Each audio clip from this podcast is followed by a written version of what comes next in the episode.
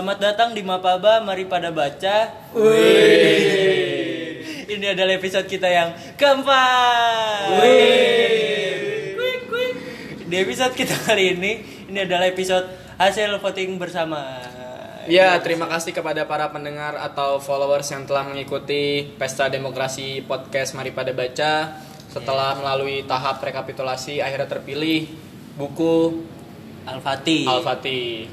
Iya. Dan hasilnya ternyata tidak sesuai dengan survei internal kita ya. Awalnya kita mengira Al-Fatih ini termasuk yang peringkat bawah karena banyak yang tidak tahu ya. Mungkin karena bulan ini adalah bulan, Bulan Ramadan. Ramadan dan banyak juga yang kepo, mungkin saja. Dan ternyata banyak juga yang ikutan voting. Kita kira bakal 3 4 orang doang. Ternyata banyak. Terima Ternyata kasih semuanya. Nggak, banyak banyak Oh, kalau di iya, total. Al-Fatih jadi dapat 15 berbanding dengan yang lain 11 9 sama 8 kalau nggak salah. 10. Ya, Buku pilihanku peringkat 2 dong. Sebuah seni untuk bersikap bodoh amat. Gua terakhir. Gua bangga. Baik, dalam episode kali ini kita juga kedatangan pembicara yang baru ya. Kita Iya. mendatang sengaja mendatangkannya langsung dari Pamulang, jemaah musola. Alpamung Alpamulang, ya. Iya. Langsung saja pembicara pertama Hmm. Diperkenalkan. Diperkenalkan. Mas Cuk. Halo, gue Kampleng cu. Iya. Ya. Pembicara kedua tadi yang telah kita kenalkan ya, jemaah Pamulangnya. Hmm. Silakan. Iya nama gue Ilham dari Pamulang ya nih. Iya. Jadi di episode kita kali ini ada dua ilham. Iya. Satu- Banyak banget yang namanya Ilham ya. Heeh. Gua kalau punya anak nggak akan gue namain Ilham sih. enggak dong. Masa Ilham bin Ilham? Lucu. Oh iya, kurang. Lanjut aja. lanjut lanjut apa nih des pertanyaan pertama nih buat kedua pemateri ini Oh ya kali ini kita cuma berempat ya. Jadi kan staff kita ada empat. Jadi salah satu dari kita ada yang di kick. untuk sementara atau permanen juga nggak apa-apa sih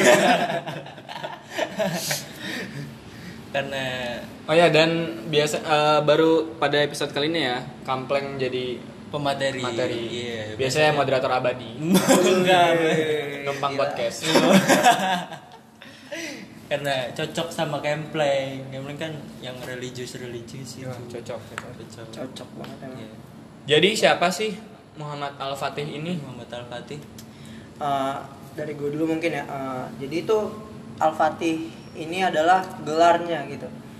Namanya gelar. adalah eh, Muhammad Muhammad bin Sultan Murad II. Hmm. Nah, beliau dilahirkan pada 30 Maret 1432 Masehi di Edirne. Waktu Edirne? itu menjadi ibu kota Turki Utsmani. Nah, Hmm. gelar Al-Fatih itu didapat setelah dia menaklukkan Konstantinopel. oh Konstantinopel yang Al-Fatih yang artinya sang penakluk. The Conqueror Ya. sang penakluk Panji sang jadi itu memang sejak dari kecil dia sudah diproyeksikan oleh ayahnya untuk eh, menaklukkan Konstantinopel ya. Menyam- menyambut kabar gembira dari Nabi Shallallahu alaihi wasallam yang dihadiskan 800 tahun lalu dan ju- dan juga menjadi eh, pokok pembahasan di dalam buku ini gitu. Hadis yang berbunyi latuf tahan Konstantinia falani malamir amiruha walani maljais dzalikal jais ya artinya ada di bawah ya artinya artinya apa ya? Jadi itu uh, Nabi bersabda pada ta- 800 tahun sebelum penaklukan Konstantinopel Mm-mm. bahwa sesungguhnya Konstantinopel ini akan ditaklukkan gitu. Maka sebaik-baik pemimpin adalah pemimpinnya dan sebaik-baik pasukan adalah pasukannya. Nanti akan dibahas lebih lanjut lagi. Oh, kalau gimana menurut Mas? Kalau menurut gue sendiri eh, tentang salah satu tokoh eh, Islam yang sangat masyhur ini Hmm. Muhammad Al Fatih karena backgroundnya beliau adalah seorang anak sultan jadi Hmm.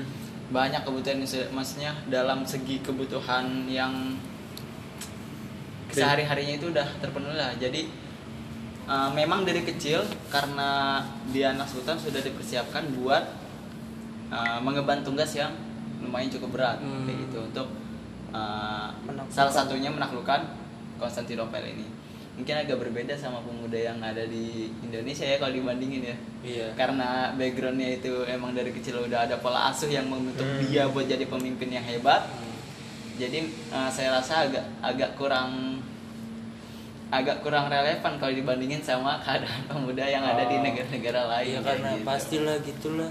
Ya kan anak anak sultan pengen anaknya jadi sultan juga ya. Iya. Itu tadi yang soal penaklukan Konstantinopel. Setahu ya gue sedi- udah sedikit mendengar juga sih dan pasti teman-teman juga di pelajaran agama Islam terus sejarah-sejarah dari Di- Ustadz tuh sering SKI iya, SKI. sering dinarasikan lah siapa Al-Fatih ini betapa kerennya betapa kita harus menela- meneladaninya gitu kan. Gimana sih cara si Al-Fatih ini menaklukkan Konstantinopel yang sebelumnya kalau setahu gua banyak pimpinan pemimpin-pemimpin Islam yang gagal ya. Apa sih faktor keberhasilan beliau ini? Dan gue rasa ba- bapaknya Muhammad Al Fatih juga udah mencoba sih pasti ya, dari bapak kakek kakeknya buat naklukin Konstantinopel sih. Ya, apa nih faktor ini keberhasilan? Oke bang, kalau dari buku ini sendiri, eh, kalau dari faktor secara fisiknya ya, maksudnya yang kita yang kelihatan itu, salah satunya ada, salah satunya itu adalah strategi perangnya yang agak berbeda dari pen- apa dari generasi sebelumnya kayak gitu. Salah satunya adalah cara dia buat ngebawa kapal untuk eh, eh, menjadikan eh, jalur darat ini sebagai jalur kapal kayak gitu, Oh, jalur- kapal laut. Kayak gitu, Kapalnya Bang. di darat. Kalau di, di darat jadinya, Oh, Bang. jadi- kayak gitu. Terus gimana tuh? Nah Iya. itu salah satu caranya. Jadi kalau misalnya dari awal eh, ada ada empat cara ya kalau misalnya di gue ringkas dari buku ini.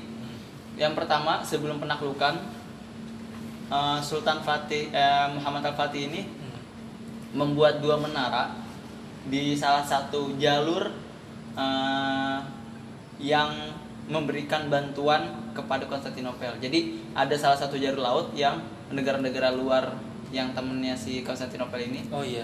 jadi di macam di blokade lah ya Hmm. Oh, jadi iya, iya. sama uh, Sultan uh, Muhammad Al Fatih ini jadi salah satunya itu yang pertama dia membuat uh, membuat menara jadi satu di ujung satu eh satu lagi di sisi kiri satu di sisi kanan jadi buat menahan Nggak bisa masuk ya tuh. penye- apa bantuan dari luar kayak gitu Bantuan.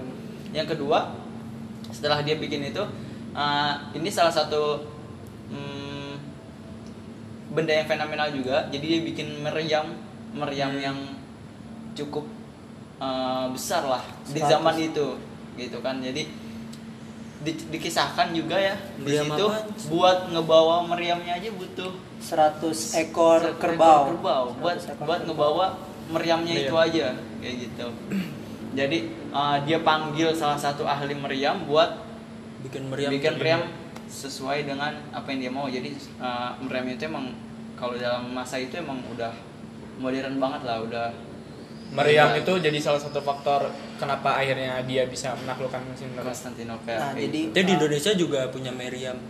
Meriam Berlin. Berlin. Jadi gue nam sedikit nambahin aja gitu. Jadi eh, benteng Konstantinopel itu tebelnya itu 15 meter ya. Tingginya apa? Tebelnya. Oh, tebelnya. Tebel- Tebelnya itu 15 meter gitu. Jadi bener-bener sangat tebel banget. Hmm. Maka eh, pada saat itu meriam meriam yang kurang lebih beratnya 100 ton dan untuk membawanya diperlukan 100 ekor kerbau itu eh, berada di dalam kapal gitu dan kebetulan kapal ini tertahan oleh rantai rantai rangkaian rantai yang memblok memblok jalur laut itu Ah. untuk masuk ke Konstantinopel gitu Hmm. maka pada saat itu eh, Sultan Muhammad Al Fatih dan pasukannya cukup kebingungan gitu ditambah lagi ada bala bantuan masuk mulai masuk gitu Hmm. dari kota-kota sekitarnya dari kota-kota sekitar Konstantinopel itu sendiri nah maka untuk menyiasati itu Sultan Muhammad Al- Al Fatih dalam satu malam itu memindahkan sekitar 70 70 rangkaian kapal gitu yang diikat satu sama lain Hmm. melewati jalur yang tadinya itu adalah pegunungan gitu. Hmm. Per- di yang di mana gunung itu ditumbuhi hutan-hutan dan pohon lebat. Nah ini hutan-hutan semuanya ini ditebangin gitu dan pohonnya dijadikan alas untuk menjalankan kapal itu sendiri Hmm, gitu. dengan dengan jalur yang cukup menanjak dan beberapa pasukannya tewas gitu ketika dalam peristiwa ini beberapa Oh, jadi belum perang Al-Fatih udah tewas tuh. udah tewas karena membawa kapal gitu membawa 70 kapal gitu Terus setiap kapalnya ada meriamnya tuh. Eh, dikatakan satu satu yang paling besarnya itu yang 100 ton itu selebihnya meriam-meriam yang kecil gitu. Nah, untuk di dalam buku ini sendiri perakit meriam itu sebenarnya berasal dari Hongaria gitu. Dan Oh. dia seorang ilmuwan yang sangat hebat. Dia dipenjara di Konstantinopel.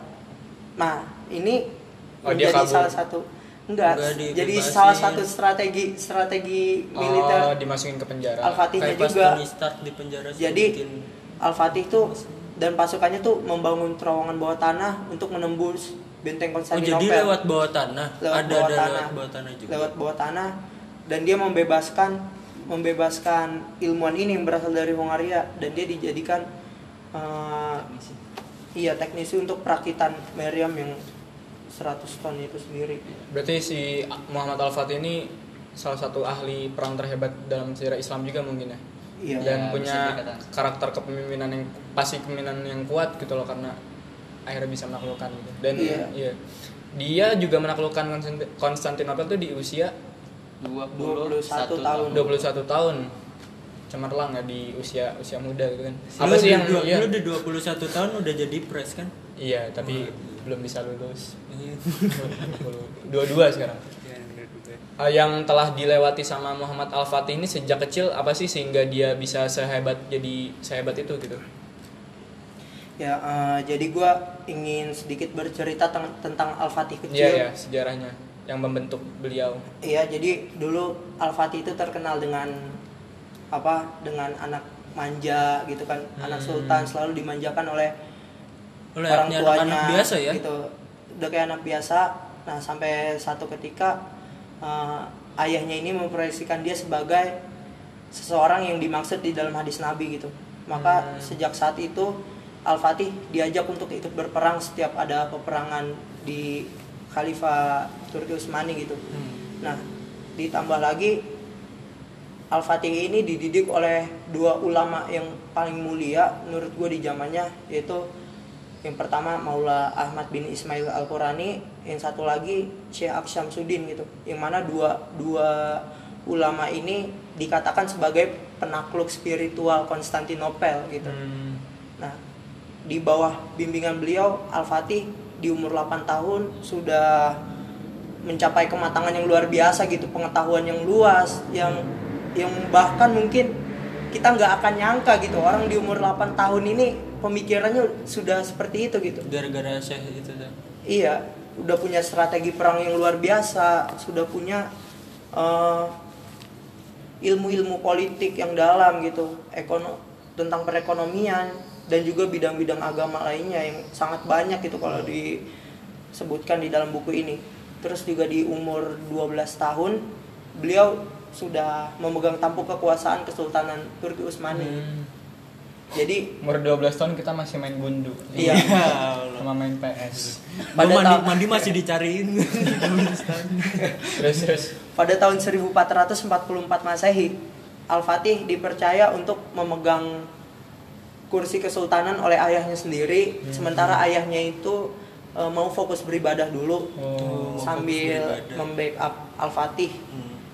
Nah, di umur 12 tahun Al-Fatih memegang kursi kesultanan yang akhirnya pada umur 14 tahun Al-Fatih turun lagi dari kursi kesultanan karena Bapaknya udah nggak fokus ibadah.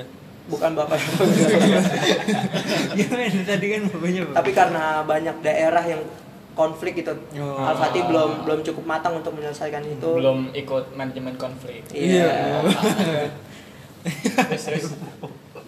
nah eh, jadi sejak diturunkan menjadi Sultan Utsmani maka Al-Fatih dipercaya untuk memegang daerah-daerah negara bagian di Khalifah Utsmani Jadi sendiri. gubernur gitu Iya, ya? jadi dia pemi- eh, sudah matang lah untuk Iya. memimpin sehingga di umur 19 atau 20 tahun ketika beliau dia diangkat lagi menjadi sultan proyek pertama yang di- dicanangkannya itu adalah menaklukkan Konstantinopel itu sendiri.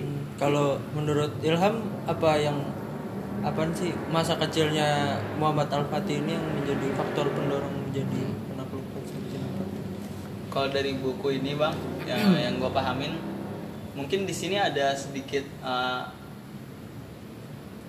teori psikologi sih. Hmm. Iya. Teori psikologi. Psikologi. Bagus sih jadi pembicara tetap. Iya. Apa boleh ganti kampleng aja? Jadi bagaimana eh, suatu nilai yang tertanam pada individu itu di masa kecilnya itu bisa menjadi spirit yang apa ya? Kalau menurut Freud itu kan jadi alam bawah sadarnya dia ya. Iya. Oh iya. Jadi di masa kecil itu pokoknya setiap dia ketemu sama Syekh Samsudin Hmm. Latuf Tahanal Konstantinia tuh. Jadi Hmm. selalu dibilang kayak gitu akan terbuka Konstantin apa Jadi Konstan- doktrinnya Oh, sejak di- kecil yang ditanam tuh Dikasih suges-suges, suges-suges, Iya, suges gitu. Ya kan kalau misalnya di kalau kita rasain juga ya eh, beberapa bayangin aja beberapa penerus gen apa penerus sebelumnya itu generasi sebelumnya itu udah mencoba berbagai cara tapi masih belum bisa juga buat Iya. naklukin Konstantinopel Konstantinopel. dan Keren. itu masa-masa dia pas lagi kecil udah ditanami seperti itu di masa mudanya pun didorong dengan uh, kemampuan dengan lingkungannya juga sebagai sultan kan buat menaklukkan dan beliau punya seluruh akses untuk menuju ke sana ya. Nah, iya, betul punya, sekali. punya akses itu yang penting itu. Iya, punya akses. Kayak kita kan ngobrol di Tampo punya aspirasi, Iya. punya solusi. bahkan juga disebutkan dalam buku ini bahwa eh, jiwa Al-Fatih itu sudah menyatu dalam hadis itu gitu kan Oh. karena Karena udah disuges tuh udah Iya. Ya, kita bayang- butuh suges nih kayaknya Pres. Iya bayangin Lulus, aja kan lulus, lulus. lulus lulus lulus lulus. Iya, iya. gimana rasanya jadi orang yang disebutin sama Nabi di zaman dahulu kan Iya, iya. terrealisasi di zaman uh, saat itu kayak gitu. Suatu kebanggaan tersendiri. Sebagai generasi muda nih, Iya. apa sih yang perlu kita teladani dan pelajari dari Muhammad Al-Fatih? Pertanyaan seminar Itu gitu. pertanyaan seminar banget. dari dulu eh, Karena kan ini ya, se- waktu itu pas lagi rame-ramenya Dilan tuh sering berkeliaran gitu di media sosial yang Ada meme. mem ini ngebandingin Dilan dengan Al-Fatih di usia yang muda ya kan. Kalau nggak salah tuh Dilan umur 18 tuh menakluk apa ya punya Jadi geng ketua motor dan menaklukkan satu wanita Muhammad Al-Fatih di usia segitu tuh udah menaklukkan Konstantinopel gitu kan. Kita nih sebagai generasi muda ya perlu tahu ya tokoh mana yang harus kita teladani gitu. Apakah Dilan? Apakah Mingke? Gimana gini menurut menurut kalian nih? Oke, diteladani? keteladanan dari Muhammad Al-Fatih itu sendiri ya terlihat ketika pasca penaklukan Konstantinopel itu sendiri gitu. Konstantinopel ini ditaklukkan pada hari Selasa tanggal 29 Mei 1453 Masehi. Oh, Nah. lagi nih. Perayaan penaklukan Oh. Konstantinopel. Oh, Iya, iya. Mei 29. Iya. nah, di lagi. nah di hari Jumatnya itu, itu kan hari Selasa, hari Jumatnya Hmm. itu Sholat Jumat. eh, iya, Iya. so- eh, Sholat Jumat lah, besok sholat Sabtu. Waduh. Nah, pasukan Tur- Turki Utsmani itu mengadakan sholat Jumat pertama di kota Konstantinopel gitu. Hmm. Nah, pada saat itu eh, belum tahu siapa yang berhak untuk jadi imam pada sholat Jumat itu. Gitu. Maka berdirilah seorang ulama Pengen imamin. Enggak, dia menyuruh eh, seluruh pasukan Konstanti eh seluruh pasukan Utsmani ini untuk berdiri gitu. Lalu ulama ini menyeru bahwa barang siapa yang pernah meninggalkan sholat wajib barang satu kali pun selama hidupnya dari mulai akhir balik sampai sekarang maka silakan dia duduk. Maka di dalam pasukan itu nggak ada sama sekali yang duduk gitu. Waduh. Jadi. Gue Jadi- duduk pertama tuh. Jadi menurut gue emang pantas untuk diteladani gitu. Pantas aja Nabi mengatakan bahwa pasukan ini adalah sebaik-baik pasukan gitu. Iya, karena iya. di antara dan seluruh sebaik-baiknya pasukannya itu pemimpin adalah itu ya, Nah, karena dari seluruh pasukannya ini nggak ada yang pernah ninggalin sholat wajib. Barulah ketika eh, ulama ini menyeru barang siapa yang pernah meninggalkan sholat sunnah rawatib 12 rakaat yang mengiringi sholat wajib itu maka silakan dia duduk. Maka separuh dari pasukannya itu duduk. duduk Separuhnya lagi masih berdiri. gua gitu. termasuk kayaknya Mungkin kita duduk dari pertama kali. ya. Duduk dari Kita dari pertama tadi. iya. Ini sholat rawatib loh. Masih ada eh, sebagian pasukannya itu nggak pernah ninggalin sholat rawatib. Nah terakhir ketika eh, seorang ulama itu menyeru bahwa siapa yang pernah meninggalkan qiyamul lail, sholat malam, sholat tahajud, barang satu kali pun seumur hidupnya, maka silakan dia duduk. Maka seluruhnya itu duduk gitu, kecuali satu orang pemuda, dialah Muhammad Al-Fatih gitu. Ya, dialah Al-Fatih gitu, sultan ketujuh dari dinasti Utsmani yang namanya terus harum dan dikenang ya sebagai pemimpin yang dikatakan oleh Nabi sebagai seorang sebaik-baik pemimpin dan juga pasukannya gitu yang terus dikenang sebagai sebaik-baik pasukan gitu. Dialah Al-Fatih, sang penakluk Konstantinopel. Jadi hal hal seperti itu yang perlu kita teladani gitu. Bahwa Sultan Muhammad Al-Fatih ini bukan orang biasa gitu yang Tidak pernah dikatakan- meninggalkan sholat Iya, bahkan sholat malam gitu yang yang bahkan kita pun Iya, mabar, PUBG. Iya, mabar. PUBG ya masih sangat jauh untuk meneladaninya gitu. Cuma kita Allah. bisa coba satu persatu untuk diteladani. Marilah kita perbanyak ibadah kita terutama di bulan Ramadan kali ini. Iya, banyak perbanyak iktikaf Iya. beribadah jangan tidur mulu ibadah nggak cuma tidur di bulan puasa Nah, Dan sholat sunnah dua rakaat sebelum subuh ya.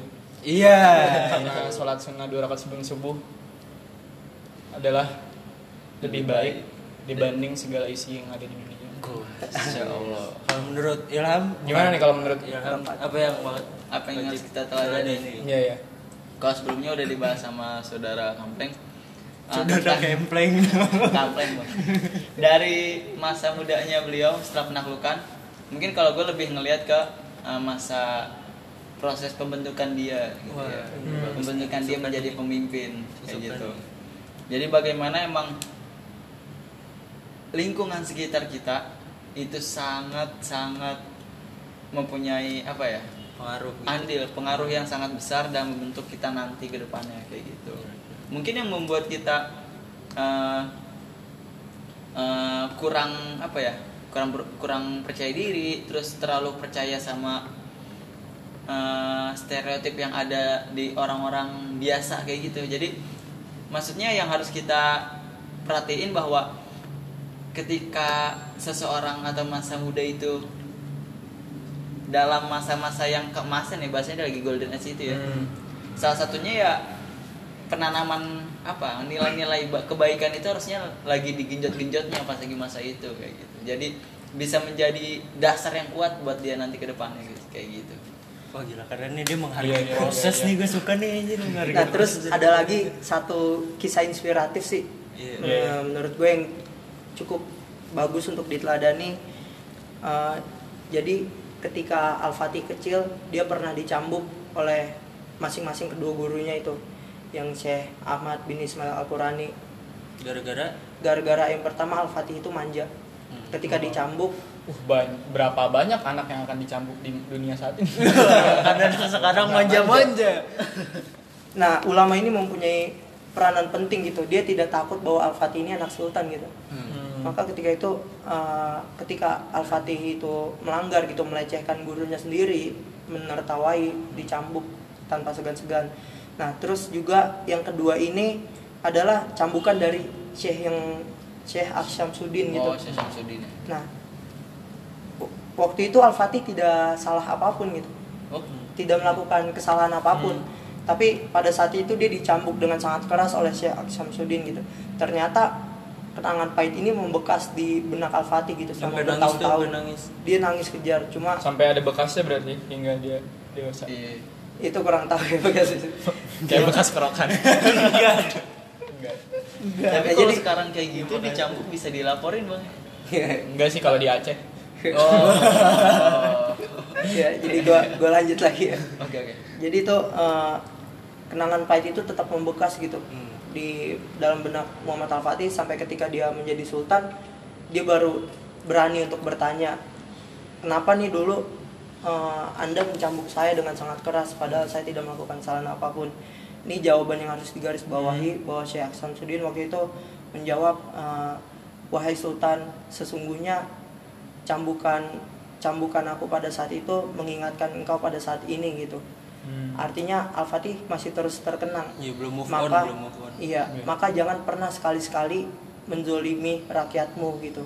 Karena aku tahu pada saat pada suatu saat nanti kamu akan dijadikan seorang pemimpin. Maka jangan pernah berlaku semena-mena jangan pernah uh, menzolimi rakyatmu seperti seperti aku mencambukmu gitu. Karena rakyatmu akan terus mengingat kejadian itu gitu sampai Maka- dia jadi Iya, sultan. Iya. berarti ada filosofinya dari dicambuk yang tidak ada alasannya itu. Iya. iya maka jadi selama- nyambung Iya, tanpa iya. alasan.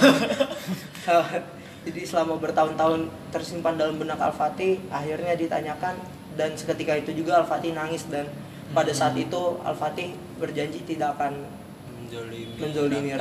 rakyatnya Jangan-jangan selalu ada filosofi juga di setiap pasangan yang meninggalkan pasangannya tanpa alasan. Kayak lu ya kayak lu ya Ini parah lu temen gue ini demi kebaikanmu gitu. Hanya kan. Oh, udah ya? oh iya, terakhir. udah, iya. Jadi kenapa kita harus baca buku ini, Plank? oh dari aja. Iya, dari singkat gue dulu ya Iya, aja. karena eh, buku ini itu seperti miskat nubuah gitu Apa itu? Apa itu? Miskat itu uh, secara harfiah itu berarti wadah untuk menampung pelita gitu. Pelita yang dimaksud adalah uh, nubuah itu sendiri gitu. Jadi uh, wadah untuk menampung cahaya kenabian. Karena setiap gua membaca kisah, kisah inspiratif di sini gitu, gue selalu terngiang-ngiang hadis Nabi yang Datuf Tahanal Konstantinia Falani Amal Amir Amiruha Walani Maljaz Dalikal Jais gitu bahwa di dalam buku ini itu menceritakan tentang sebaik-baik pemimpin yang dikatakan oleh Nabi gitu. Sedangkan Nabi tidak pernah berbohong dalam ucapannya gitu. Apa yang diucapkan Nabi pasti nanti akan terjadi gitu. Nah, buku ini seperti ketika gue membaca buku ini, gue seperti diliputi cahaya kenabian gitu. Waduh. Jadi gue seolah-olah terngiang-ngiang dengan hadis Nabi, dengan apa yang dikatakan Nabi dan benarlah apa yang Nabi janjikan gitu. Sebaik-baik pemimpin dan sebaik-baik pasukan gitu. Mungkin itu aja dari gue. Kalau Ilham, Kalau sebelumnya dari eh, saudara Kampleng tadi udah ngejelasin eh, kenapa kita harus baca buku ini dari segi bahwa buku ini ngejelasin tentang sebaik-baiknya pemimpin ya Konten, Iya, kayak gitu. Mungkin kalau gue lebih ke eh, bagaimana proses kepenaklukannya. Jadi kadang kita ini banyak yang kenal, banyak yang kenal Muhammad Al-Fatih tapi cuma sekedar kayak oh gue tahu kok Muhammad Al-Fatih penakluk Konstantinopel tapi Iya. Nggak tahu Iya, gimana kisah. cara cara kisahnya dia itu buat naklukin Konstantinopel itu bener-bener harus kita apa Iya. ya kita ketahui lah emang bener-bener memotivasi kita buat apa ya kalau jujur kalau misalnya dari buku ini sendiri ah, semangat keislaman itu di, Tumbuh. di gue ya jadi ada rasa bahwa wah ah, Islam ini terutama ah, dalam ini ya konteks hadis Nabi ini merupakan sesuatu yang emang bener-bener valid gitu loh jadi emang Oh. bukan sekedar omong kosong lah kayak gitu Karena emang iya banyak orang-orang yang sering kali hanya mencintai hasil gitu, Uh, bukan hanya mencintai proses. Iya, bukan Proses mencintai itu proses. penting. Iya. Nah sekarang saya akan mengganti nama menjadi Rahmat Al Fatih. iya iya. Salah satu rekomendasi nama yang bagus juga Bagus, untuk bagus nanti juga. calon anak-anak kita. juga. Kita nggak tahu sama siapa. ya kita sudah berada di penghujung waktu durasi. Terima kasih kepada para pembicara yang keren Iya, di keren. hadapan kita parah, ini. parah keren parah. Ini kayaknya rekaman paling ada mutunya. Iya. saya Keren, keren, keren. menjadi dipenuhi cahaya-cahaya Islami sekarang saya. Oh iya, episode berikutnya kita akan bahas Lu bahas apaan? antara yang di voting kemarin lah ya. Iya, di Perempuan antara nol sebuah seni untuk bersikap bodoh amat dan atau alkemi. alkemis lah. Iya. Mungkin nanti di episode-episode berikutnya kita juga akan bertemu dengan Mas Ilham lagi. Iya, insya Allah. Soal-soal keislaman Soal-soal yang keislaman. di bulan Ramadan berikutnya. nunggu setahun Jauh lagi. banget. Masa nunggu setahun lagi? Untuk belajar Islam gak harus nunggu setahun. nah, Oke. betul sekali Oke, terima kasih sudah mendengarkan podcast Mari Pada Baca. Terima kasih.